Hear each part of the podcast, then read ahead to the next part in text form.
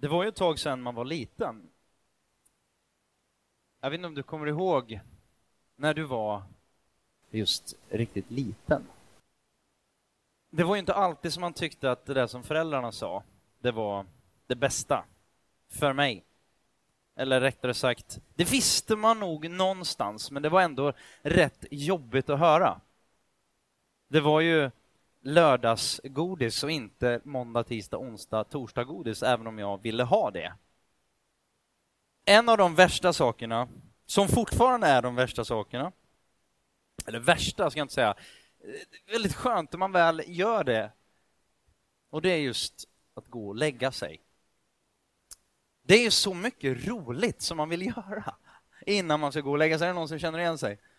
En del är grymt bra på att gå och lägga sig i tid. Det är skönt. Härligt, grattis. Jag kommer ihåg när mina föräldrar de fick köra olika, olika sorters taktik för att få mig i säng. Ehm, som riktigt liten så, så nu är det någon som håller för ögonen, öronen här.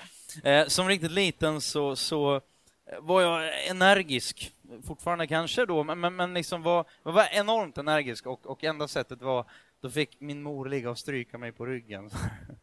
och, och, man ville ju så mycket och då var det ju varenda gång. Varenda, jag kommer så här, förnimmer de här momentsen när föräldrarna säger du måste gå och lägga dig. Och så kommer den här oundvikliga frågan varför mamma? Varför? Det är ju så roligt. Det är ju så kul. Jag leker ju med det här. Jag vill inte gå och lägga mig. Nu är det är precis samma fortfarande. Det är bara det är lite mer sofistikerat. Och jag har bättre ursäkter. Det är ju det här med perspektiv. För i efterhand så inser jag att det mina föräldrar sa, och idag är jag ju själv förälder och inser ju att, ja men senast igår kväll så kom ju samma fråga från våra barn. Varför, eller först kom det, jag vill inte. Eller varför kan jag inte få uppe lite längre? Kan det inte få vara lite speciellt ikväll? Ja, men det var speciellt igår kväll och kvällen innan det, så innan, liksom, då är det dags att gå och lägga sig. Det här med perspektiv. Jag vill lyfta in ett annat perspektiv idag. Jag hoppas och tror eh, att vi kommer bli lite utmanade och jag ska försöka att eh, fortsätta utmana, utmana oss och vår, vår tanke. Och så ska vi titta lite på de här grejerna. Men det handlar om att leva. Dagens text och dagens tema är att leva ett, Gud, eh, ett, ett eh, liv till Guds ära alena. Och då pratar jag, jag tänker liksom, det handlar om att se den större bilden. Texten är från Romarbrevet kapitel 11, vers 33 36. Vi läser tillsammans.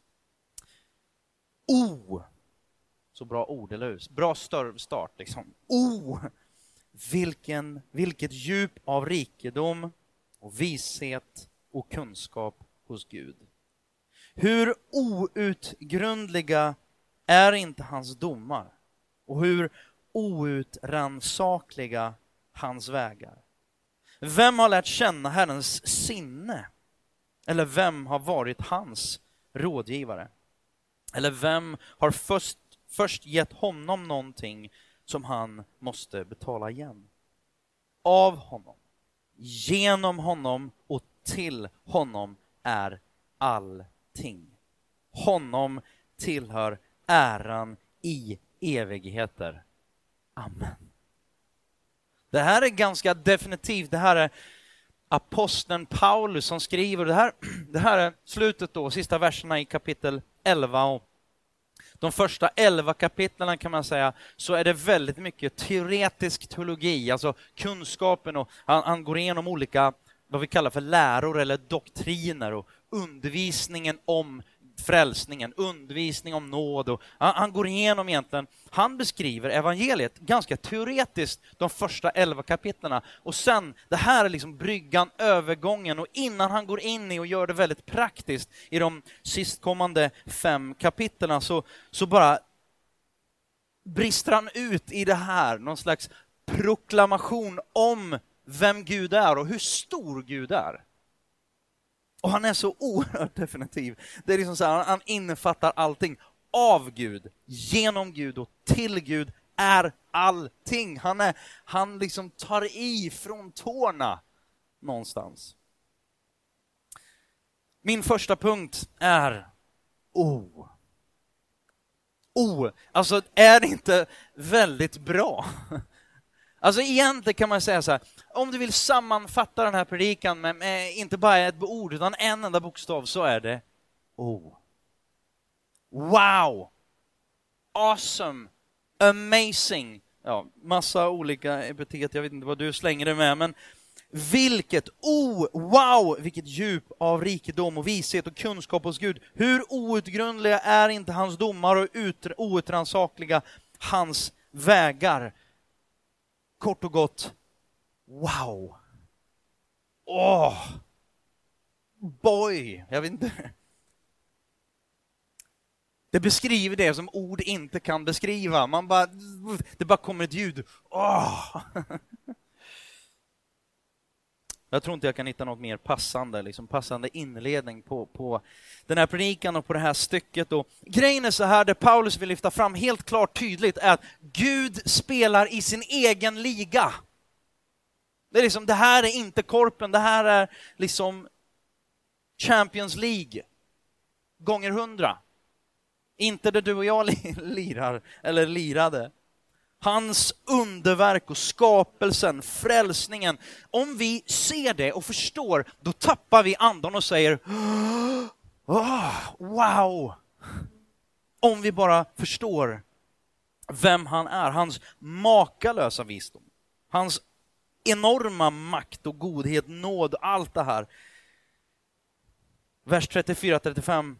Vem har lärt känna Herrens sinne eller vem har varit hans rådgivare? Eller vem har först gett honom någonting som han måste betala igen? Gud är inte skyldig någon någonting. Men alla är skyldig honom allt. Sug på den du.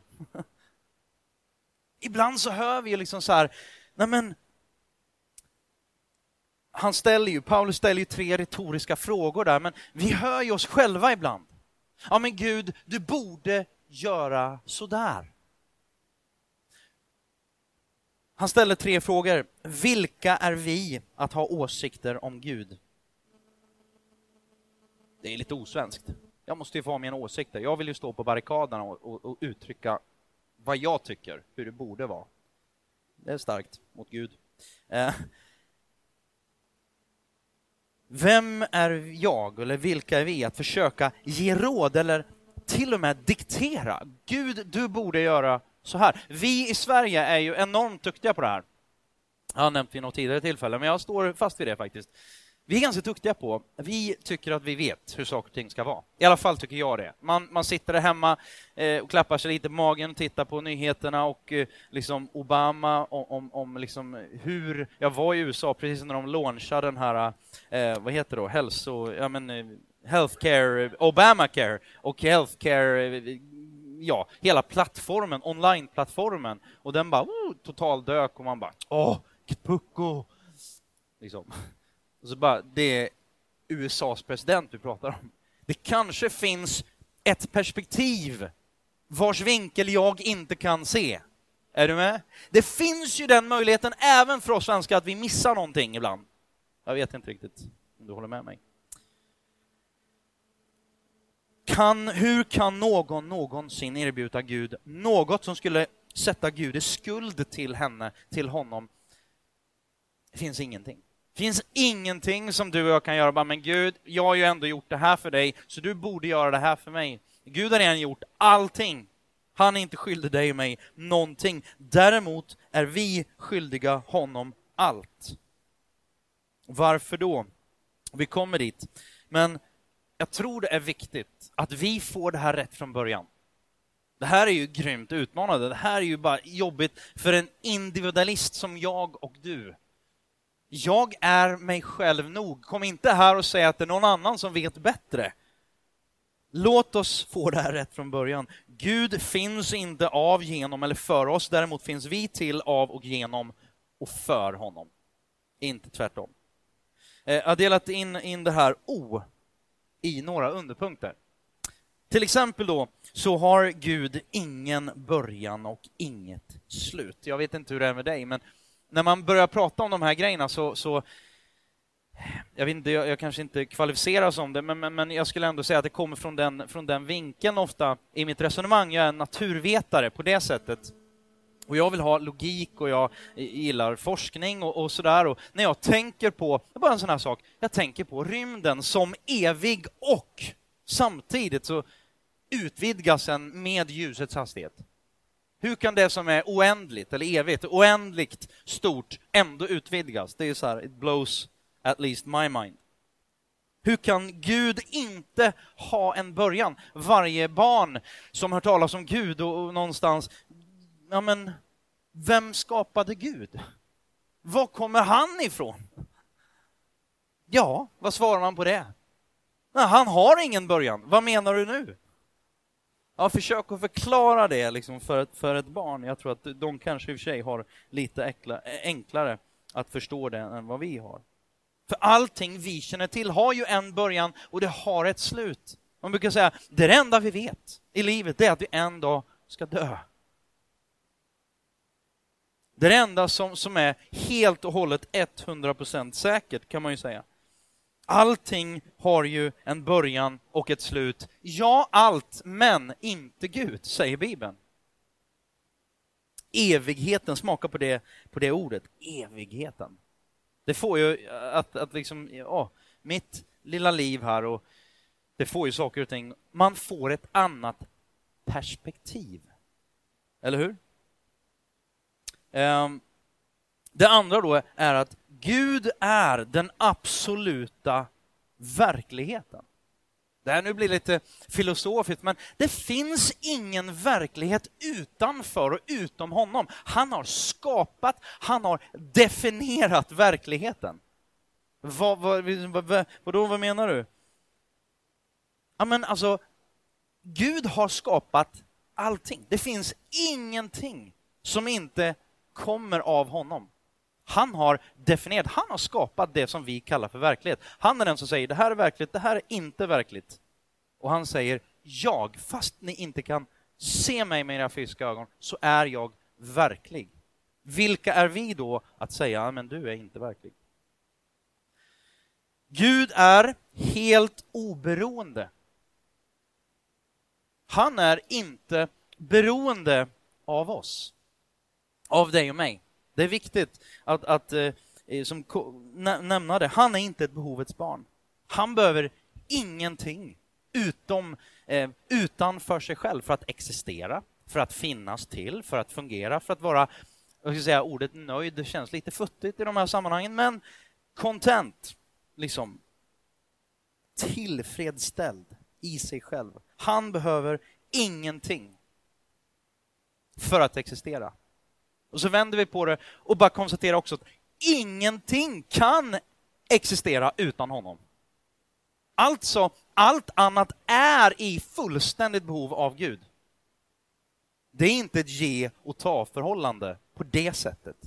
Sen är det en relation som han bjuder in till, men han är, initia eh, han är initiativtagare, han har skapat den här världen. Ingenting kan existera utan honom. Allt är beroende av honom.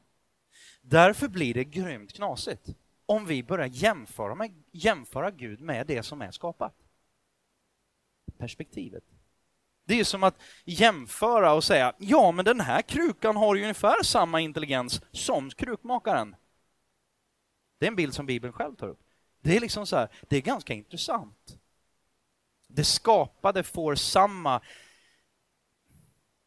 ja, tillskrivs samma auktoritet som skaparen. Det gör vi ju inte i något annat sammanhang. Det finns ju en del skräckfilmer där tekniken, eller en del, hur många som helst, tekniken tar över och, och liksom överbemannar män, människan och så vidare. Men det är ju egentligen bara en bild av det vi tycker oss själva. Vi överbemannar Gud, tycker vi själva då. Vi kan bli fascinerade, och jag fascineras över att vad kärlek gör med, mig, med, med mitt liv. Det som, har, det som har blivit viktigt. Och när man stannar upp och funderar till på vad är det som är viktigt i mitt liv? Som Warren Buffett sa, världens, ja tidigare var han, idag är det Bill, Bill Gates fortfarande innan han har gett bort alla pengar. Eh, Warren Buffett, världens rikaste man, säger vid slutet av sitt liv, han är inte död än, men, men han liksom fick den här frågan, vad är definitionen av success, alltså framgång? Världens rikaste man säger mot slutet av sitt liv, åtminstone är det lite mindre kvar av, av, av livet än vad det var för några år sedan. Konstaterande. De människorna, det här är definitionen av success, framgång. De människorna du älskar, att de älskar dig. Det var inte pengar, det var inte bolag, det var inte fame, det var inte allt det här byggnader som uppkallar efter ditt namn, utan de människorna som du älskar, att de älskar dig tillbaka. Det går inte att köpa för pengar. Man kan bli fascinerad av kärlek. Fascinerad över att, nej att det finns en människa som, som trots mina oerhörda brister ändå inte bara står ut utan påstår att hon älskar mig. Och jag tror henne. Helt oerhört märkligt på ett sätt, eller på många sätt. Det finns många fel. Men ändå så är det bara det är som en droppe i havet jämfört med Guds ocean. Jag tänkte på det här med droppe i havet. Jag var och åkte skidor vid ett tillfälle eh, nära Evian i Frankrike. Källan, det är ju det här det dyraste vattnet du kan köpa, liksom normalvatten. Eh, det är ju alltid Evian, liksom. det är ju fint. Så här. Det, jag vet inte, vad är skillnaden egentligen? Vatten och vatten. Liksom, så här. Men i alla fall, en fin label har det och de har lyckats väldigt bra med sin marknadsföring. Så kan man säga. I alla fall så är det ju som att jämföra. Alltså det är ju fantastiskt. Du är ute, du är, det, är liksom, det är varmt och du plockar upp en, en, en flaska Evian-vatten och släcker din törst. Högst temporärt dock. Med en liten halvliter sådär. Jämför det med att stå vid själva källan i Frankrike och bara infinite masses, hur mycket vatten som helst. Där har du ungefär skillnaden mellan Guds kärlek, som är upphovet, som är källan. Det står att Gud är kärlek. Inte att förväxlas då med att kärlek är Gud. Det är inte samma sak. Gud är så otroligt mycket mer, men han är kärlek. Och Paulus säger det här med visdom. Den liksom oändliga visdomen. Och vi, jag älskar om man läser liksom uppfinningar och jag, jag, tycker det är spännande att se speciellt vetenskapen och de som får eh, Nobelpriset i vetenskap och för, om det var förra året, de var de här eh, de, de, har tagit fram något, ett nytt grafitmaterial i alla fall, en film, Eh, grafen, det är 15 atomer tjockt, en film man kan lägga på saker, vi, vi kommer kunna ha tidningar i, i liksom ihoprullbara liksom i fickan och, och, som är helt enkelt datorer och ja, men så här, helt fantastiskt, amazing, wow. 15 atomer tjockt material som kan göra en massa saker. Men det går inte, det är som en droppe i havet, det är som en, en Evian-flaska jämfört med källan själv. Igen, Guds storhet, Guds visdom. Gud är konstant, han är alltid densamma. The only constant is change, har jag en t-shirt som det står på. Ja, förutom Gud. För han förändras aldrig. Allt annat förändras hela tiden. Han är alltid densamma, han förändras aldrig. I honom skiftar det aldrig mellan ljus och mörker. Han är alltid god. Gud har aldrig en bad hair day. Aldrig. Han är alltid densamma. jag hoppas att det här provocerar lite grann, för annars liksom bara... Nu ska jag säga något annat så här jobbigt. Gud har alltid rätt. Vad är det jobbigt? Ja, jag tycker det är lite jobbigt. Jag vill knyta handen i fickan och bara, alltså du kan ju inte alltid ha rätt. Det är ju så frustrerande. Den här också. Gud är sanning. Alltså det är så bra. Guds ord, alltså Bibeln, är sum, eller summan av Guds ord, summan av Bibeln, hela Bibeln, är sanning. Men han är inte bara talar sanning, för han, han är. Han definierar sanning. Ja, nu har jag dragit ut lite sådär då, men, men sammanfattningsvis kan man väl säga så här. Gud är centrum i hela universum. Inte du, inte Obama, inte någon annan. Universum, universum roterar inte kring dig. Det tror vi ju. Vi vill helst det. Och mitt universum roterar ju kring mig.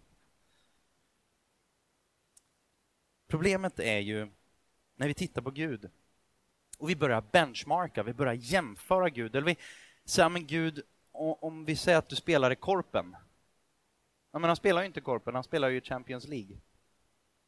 Och så behöver vi jämföra Gud utifrån våra referensramar, det som är skapat. Återigen då, krukan.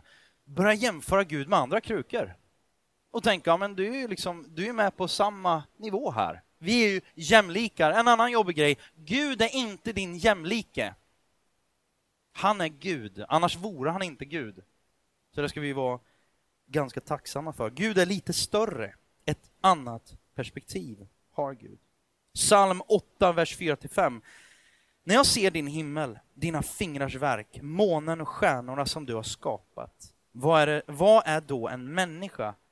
Eftersom du tänker på henne, en människoson, eftersom du tar dig an honom. Det här uttrycker också lite av Guds, inte bara Guds storhet, utan Guds kärlek. Hur kommer det sig att den här guden som har skapat allting, som är större än ett oändligt universum, som är nej men allt det här magnifika som man bara åh! Och så blir man nästan bara wow, det här är ju för stort för mig att greppa. Och så är det en gud som jag pratat om ganska många gånger, inte minst under hösten men även under våren. Det är en gud som inte bara är långt borta, han är stor, han är väldig, han är mäktig, han är allt det där. Men han har kommit ner.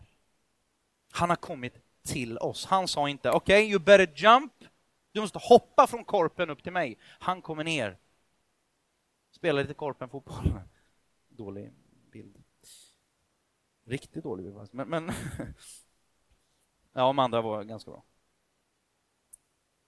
Varför utgår vi hela tiden då? Ja, men nu pratar om Gud. Så här, ja. Varför utgår du ifrån och varför pratar vi så mycket om Kristus?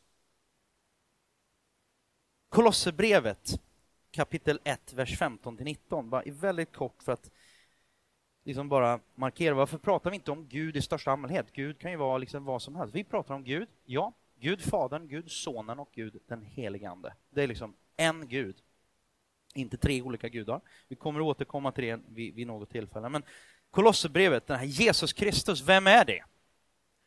Då säger Paulus igen då, han är den osynlige Gudens avbild. Jag kan lägga till då, synliga avbild. Han är den osynliga Gudens synliga avbild, förstfödd, före allt skapat. Ja, men nu är vi ju där igen. Ingen början. Utan början, utan slut. Ty i honom skapades allt i himlen och på jorden, det synliga och det osynliga. Tronfurstar, herradömen, makter och väldigheter. Allt är skapade genom honom och till honom. Han är, det är så jobbigt i fel svenska, han är till före allting. Inte blev till, står det inte. Han är. För det går inte att säga blev, för då fanns det ju en början. Så han är till för allting och allt består genom honom. Han är huvudet för sin kropp, kyrkan eller församlingen. Han är begynnelsen, den förstfödde från de döda, för att han i allt skulle vara den främste. Och så kommer det här då igen. Ty Gud beslöt att låta hela fullheten bo i honom. Alltså, Jesus Kristus är Gud. Därför pratar vi en hel del om Kristus. Därför pratar vi inte bara om någon makt som är lite flummigt, utan det är en person, Gud, i Kristus Jesus. För kyrkan utan Kristus, det är som U2 utan Bono. Det är som kladdkaka utan kladd. Är ni med? Det är som en telefon utan, utan batteri. Tråkigt. Det är som en bank utan pengar. Det är tomt, det är fattigt och det är utan värde, utan mening. Och jag tror att här har det blivit lite fattigt i mitt liv, många gånger. Eller lite, det var en oerhörd underdrift. Det har blivit en, en oerhörd fattigdom i våra kyrkor också. För vad händer när vi inte längre har Kristus som vårt, liksom, vi benchmarkar mot varandra, vi jämför oss mot varandra och förstår ni liksom vad, vad jag menar? Vi, vi, vi tittar snett på varandra eller vi jag bara, ah, jag är ju ganska bra jämfört med honom eller, och så, så blir det hur ofräscht som helst. Så vi har inget bra perspektiv. Det blir en osund kultur. Du, ditt hjärta, det blir, det blir, det blir inte fräscht. Kyrkan utan Kristus. Och när vi inte längre är Kristuscentrerade, vad händer då? Jo, då börjar vi att tänka mer på oss själva. Det är baksidan av en enorm individualism som finns i västvärlden och inte minst i Sverige. Egoismen. Jag, me, myself and I. I slutet av Kristuscentrerade, det handlar mer om människor än om Gud vår lovsång och vår tillbedjan och inte bara sång där vi sjunger här liksom, utan det förvandlas och vi vill bara ha, vi vill ha underhållning. Underhåll mig. Sann andlighet förvandlas till känslor, ett sökande efter känslor. Predikan ersätts av ja, life coaching, lite allmänna goda idéer för att liksom göra ett bättre jobb på att eh, liksom fulfill your dreams på något sätt. Istället för att, man, som Bibeln uttrycker då, att vi alla har kommit till korta, vi alla är syndare. Ja men fy vad jobbigt. Ja men Gud har alltid rätt, så att du får gärna tycka att det är jobbigt, för det är... Istället för att rädda syndare så handlar kyrkan om att det handlar om att rekrytera medlemmar proklamation eller predikan, det handlar om, du, du övergår i mer, ja, vi ska ha program och vi ska ha event och vi ska hitta på grejer och istället för att vi bekänner synd så börjar vi bara bekänna våra drömmar. Jag, mig och mitt. Jag tror grundläggande problem i det här och varför. Egentligen kan man säga så här att det mest framstående i reformationen det är så här, genom tro. Alltså det är bara av tro, eller genom tron, som, som du kan tillgodogöra det här, som, som, som, och, och tillgodogöra, som du får det och Guds gåva då, frälsning, evigt liv, eh, som vi pratade om förra gången, eller förra söndagen. Men egentligen kan man säga så här, om man kokar ner reformationen och poängen med allting, det var ju för att styra våra blickar och hjälpa oss att lyfta blicken igen till Gud. Det är liksom upprinnelsen och hela riktningen för kyrka och bör vara riktningen för kyrka. Det är liksom kristendomens stora grej och nu kommer jag till lite mer praktiskt då, varför. Är ni med mig ett tag till? Westminster Confession, London 1646. Så det var lite så här, det var lite fladdrigt och man hade börjat gå i lite olika riktningar. Och vad, vad, vad, liksom, vad handlar kyrkan om egentligen? Vad, vad, vad är den kristna tron? Vad, vad är liksom centrum? Och då kom man och, och, och, skapade det här statementet som är helt fantastiskt, för det, håller, det innehåller så mycket på så lite. Så det så här, Man's chief end is to glorify God and enjoy him forever. Alltså, människans främsta syfte är att förhärliga Gud och finna sin högsta glädje eller tillfredsställelse i honom för alltid. Och då går vi in till eh, på, på nästa grej då. Av Gud. Alla punkter är inte lika långa, kommer ni märka, men Vi är glada i alla fall. Vers 36 då, av honom, genom honom och till honom. Först då av Gud. Och det känns ju oerhört onaturligt att ära Gud, kanske du känner. Och det var lite så här, jag ville bara dra på här i början så här, Gud är sån, Gud är sån, Gud är stor, han har alltid rätt, han är sanning. Och det bara träffar oss i ansiktet och det provocerar oss förhoppningsvis.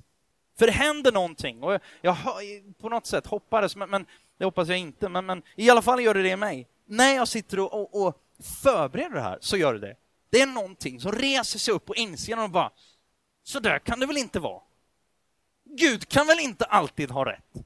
Är han så stor som han säger att han är? Ja, teoretiskt då vet jag det, men jag känner inte för att bekänna det.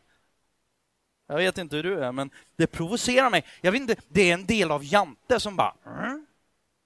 Va? Jag är ju... Jag har fått höra hela mitt liv. Liksom, American Idol, någon står och sjunger och bara... Du kan inte sjunga. Ja, men min mamma har sagt att jag kan sjunga helt. Vi har någon slags förvriden bild, tror jag. Det här med att ära, vet ni? Vi älskar att ära. Vi gör det varje, ja, inte varje dag kanske, eller jo, det gör vi nog. Men, men hela vårt media liksom, brus handlar om att ära. OS, hitta, kora en vinnare. Melodifestivalen, vi korar en vinnare som vi kan lyfta upp. Vi var på, jag och Linda var i, i Skandinavien på U2 för att ta upp U2 och Bono var där, som tur var. Annars hade det varit rätt tråkigt bara The Edge som står där och lirar. Men, eller Swedish House Mafia i november 2012.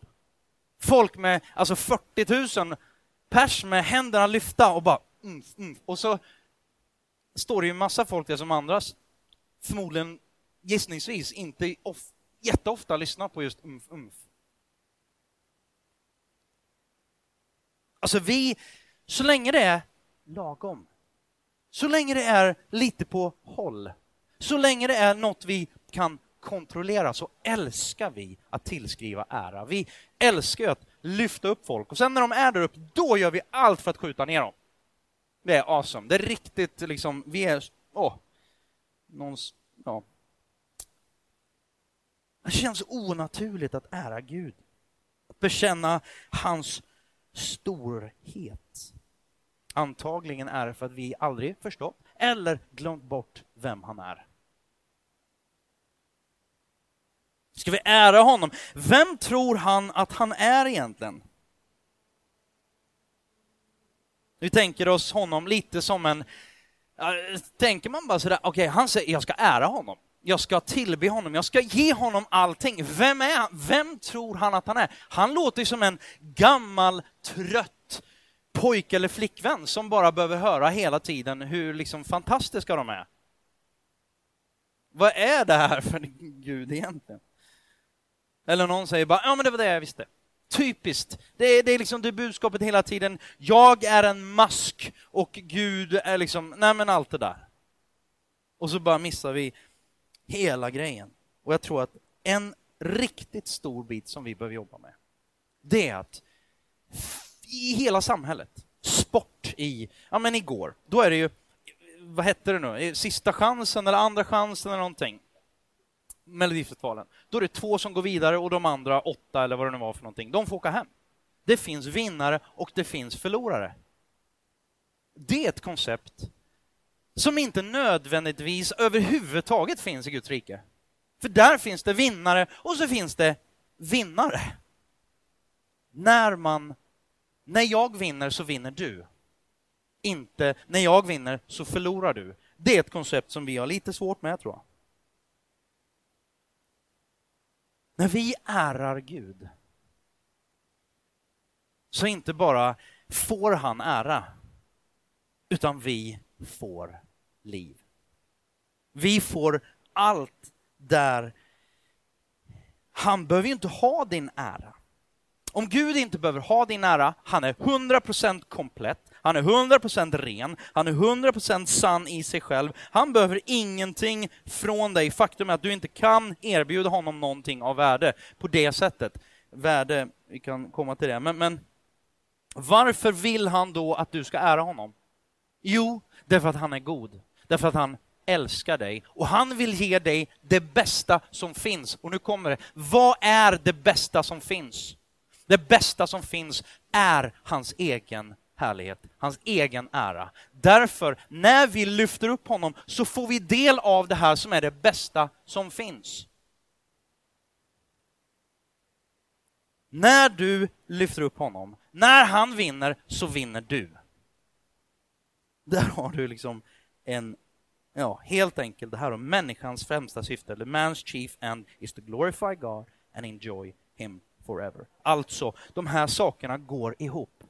Guds strävan och Guds längtan efter att du ska tillbe honom går i linje med, eller rättare sagt, de två längtan kan man säga, att bli, din och min längtan att bli tillfredsställd, din och min längtan att finna trygghet, din och min längtan att, att, att liksom bli uppfyllda och made complete, vad säger man? Alltså känna sig komplett. Din och min längtan och Guds längtan eller strävan efter att vi ska ära honom. De här två står inte i konflikt till varandra utan förenas när vi ärar honom. Om han istället då skulle underhålla, undanhålla oss från sin ära och härlighet, då skulle han inte vela oss vårt bästa. För det är det bästa, inte bara han har att erbjuda, det är det bästa som finns. Tittade kort på ett klipp av Mr Bean, jag kommer inte att visa det, men ni kan gå in på Youtube och kolla. Det är klassiskt när han står i kyrkan.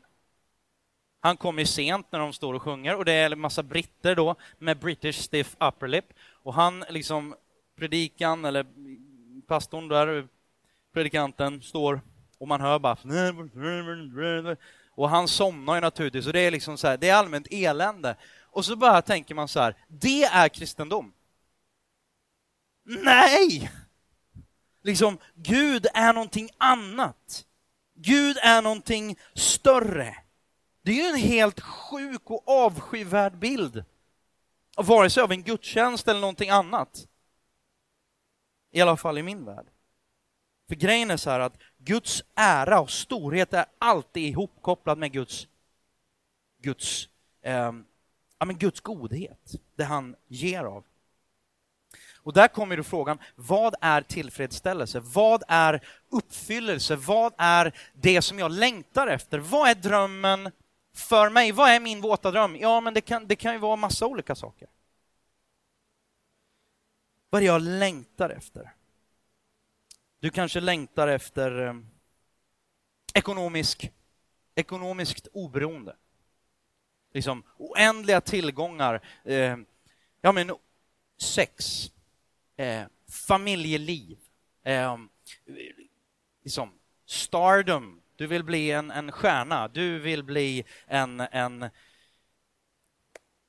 erkänd entreprenör eller vad som helst, skådis eller världens bästa sjuksköterska eller liksom vad det nu är för någonting. Vad är din längtan? Vad är din dröm? Ah, men det, här, det här är min grej.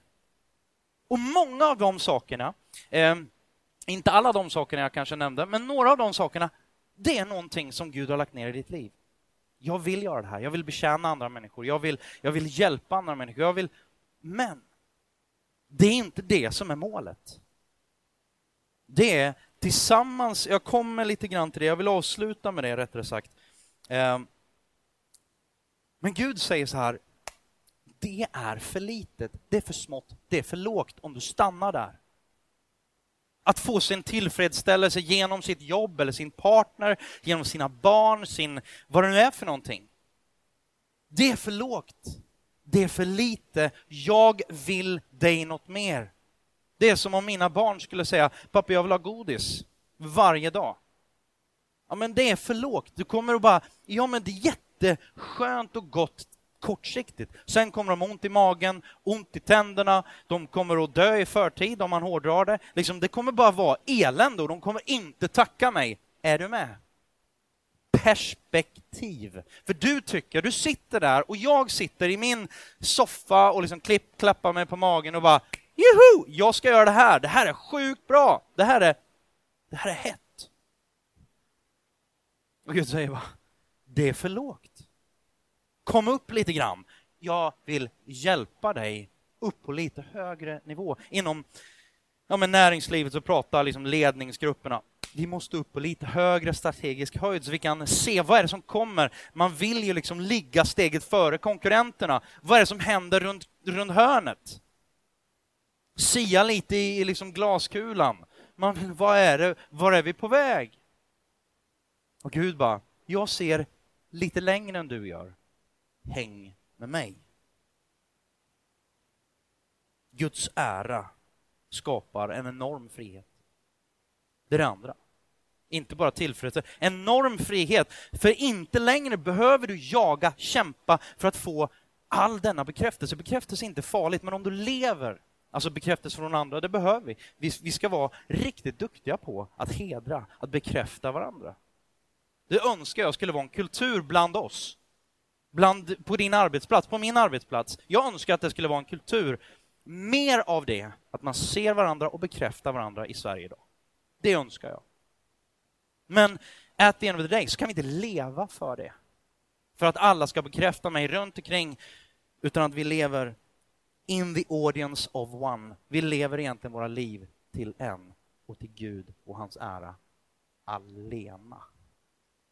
Inte plusmeny, utan endast. Genom Gud, orkar ni två korta till? De här är faktiskt korta på riktigt. Av honom, genom honom och till honom är allting.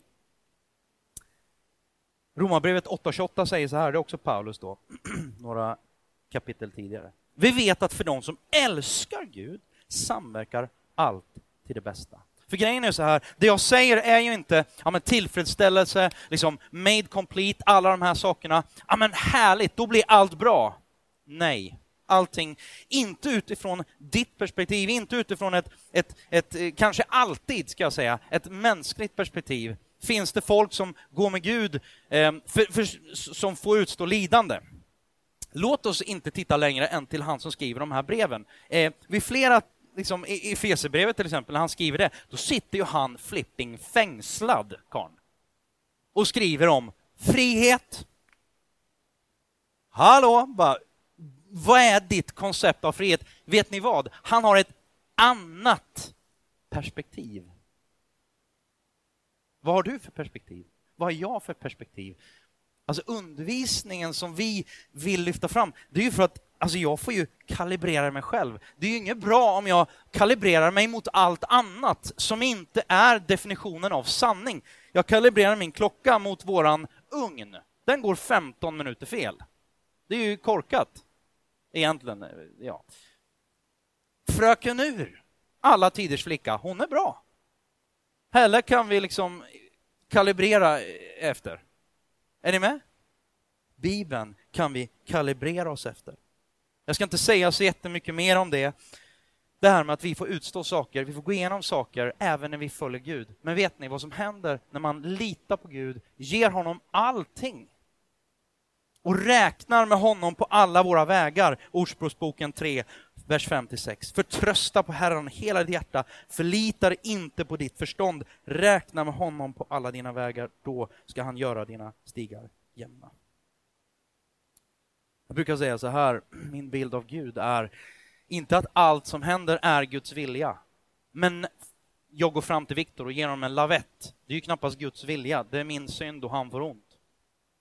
Men när det händer så kan Gud jag satt och kollade på Skavlan häromdagen, jag kommer inte ihåg vad han heter, han är ju typ 18 år eller någonting, en norsk gutt som är typ rankad nummer nio smartast i världen och eh, är världens bästa eh, schacksnubbe.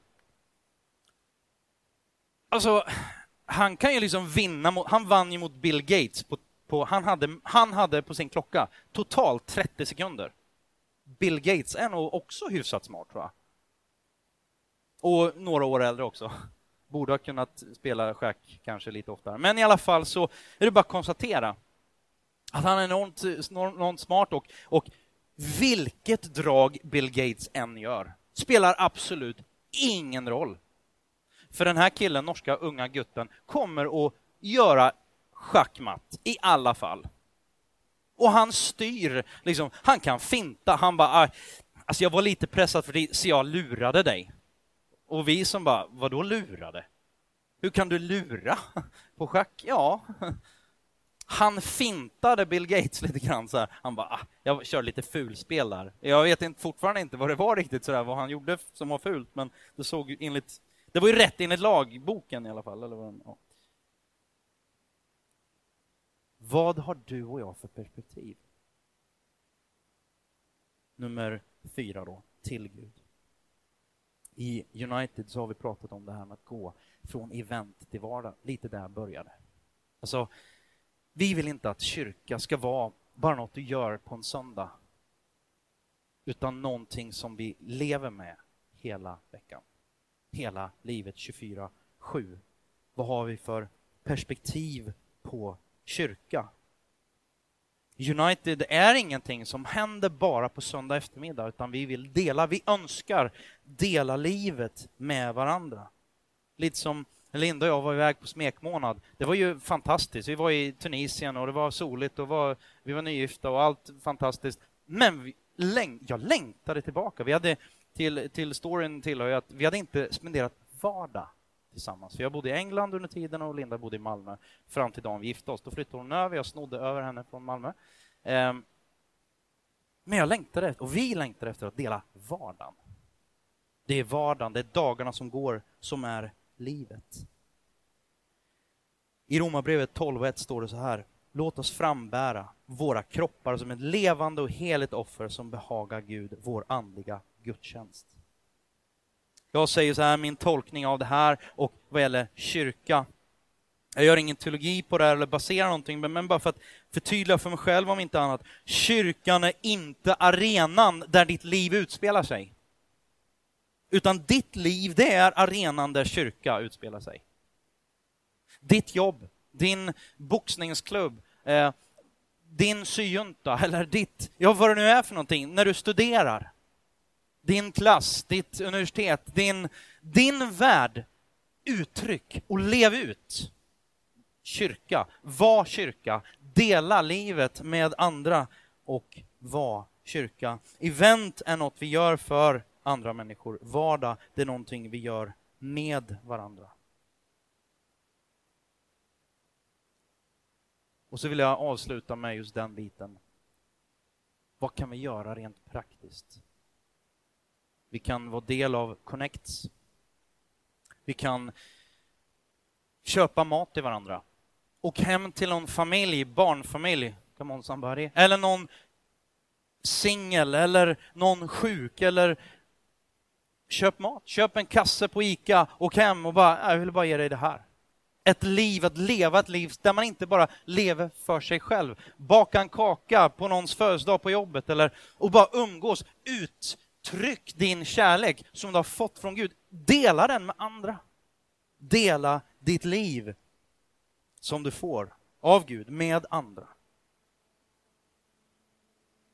Lärjungaskap, alltså efterföljelse. Vi pratar om att vara en kristen lärjunge. En Jesu Kristi lärjunge. Det är liksom inget så här som vi tänker, ja men nu ska vi bli en liten sekteristisk varelse här. Utan helt enkelt bara göra som Jesus gjorde. Han blev människa. Gud blev människa och tog sin boning mitt i kvarteret där vi bor. Det är tanken med lärjungaskap. Och jag skulle vilja som utmaning för er som inte är döpta så är det ett, inte bara ett bra steg, utan det är ett steg där Gud och Jesus Kristus, han döpte sig. Faktum är att han börjar sin offentliga tjänst i och med dopet. Dopet i vatten.